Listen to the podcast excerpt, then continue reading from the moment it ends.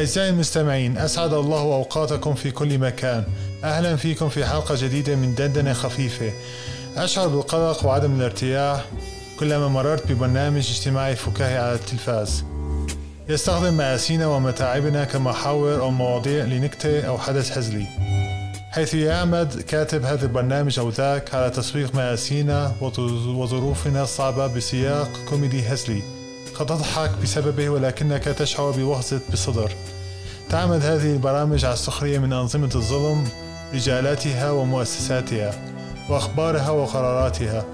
تسخر من طوابير الخبز والغاز. تسخر من تقنين ساعات الكهرباء لساعات متواصلة وتوفرها لبعض الآخر طيلة الوقت. لفترة من الزمن كنت أظن أن هذه البرامج ما هي إلا طريقة من الكاتب للتنفيس عن نفسه. وطريقة بناءة لنقد النظام بطريقة تخرج مشاكل الناس. في قالب هزلي مع الإيحاء من أن حلول هذه المشكلة أو تلك قابع بين أيدينا. ولكن أليس في تلك السخرية والضحك اعتياد على التعايش مع تلك المصائب؟ فكثرة الضحك تخدر القلب وتميته. تعدد هذه البرامج وعرضها المتواصل يذكرني بطريقة علاج بعلم النفس تدعى ب desensitization. أو التقليل من الإحساس. هي طريقة طورتها عالمة النفس ماري جونز. تعتمد على التقليل من ردة الفعل العاطفي لحافز سلبي أو إيجابي. عن طريق تعريض المريض لحافز بشكل مكرر حتى يتكيف معها. ولكن الضحك الذي نضحكه يذكرني بقبطان السفينة الذي يدخل إلى صالة الاحتفالات بالسفينة. والركاب يرقصون ويلهون ويغنون وهو عم يضحك بشدة وبالكاد يتمالك نفسه من الضحك كلما سأله أحدهم عن سبب ضحكه.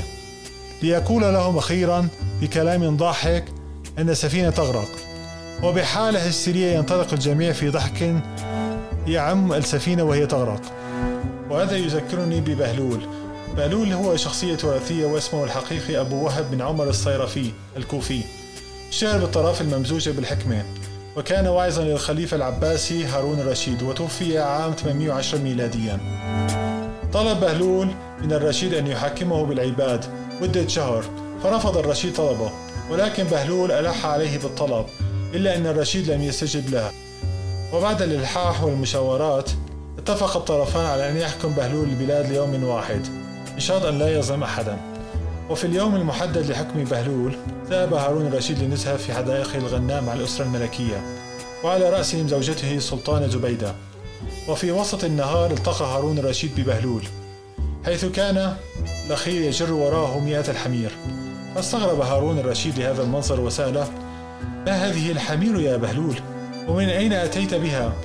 فأجابه بهلول مررت بالبلاد يا مولاي وتفحصت أحوال الناس وجعلت ضريبة على كل رجل تحكمه زوجته حمارا. فقال له هارون رشيد من المعقول يا بهلول في مدة ساعتين تجد هذا الكم من الرجال محكومين لنسائهم؟ فقال بهلول دعنا من هذا يا مولاي المهم أني لم أظلم أحدا. وأثناء تجولي في البلاد رأيت ما لا عين رأت ولا أذن سمعت. ماذا رأيت يا بهلول؟ رأيت يا مولاي فتاة جميلة جدا جدا. إذا خرجت في النهار تقول للشمس تنحني لأجلس مكانك. وإذا خرجت في الليل يغيب نور القمر وهي في ليلة البدر. فتمنيت أن تكون هذه الفتاة زوجة لك يا مولاي. فالتفت إليه هارون الرشيد وقال له اخفض صوتك يا بهلول كي لا تسمعنا سلطان زبيدة. ولأنك أمير المؤمنين فهات حمارين بدلا من حمار واحد ضريبة لك. أعزائي المستمعين أشكركم على حسن استماعكم. إذا كنتم على سبوتيفاي الرجاء الضغط على المتابعة ليأتيكم جديدنا. وإذا كنتم على يوتيوب الرجاء الاشتراك بالقناة والضغط على الجرس وال like. وشاركونا بتعليقاتكم. ولكم الشكر الجزيل.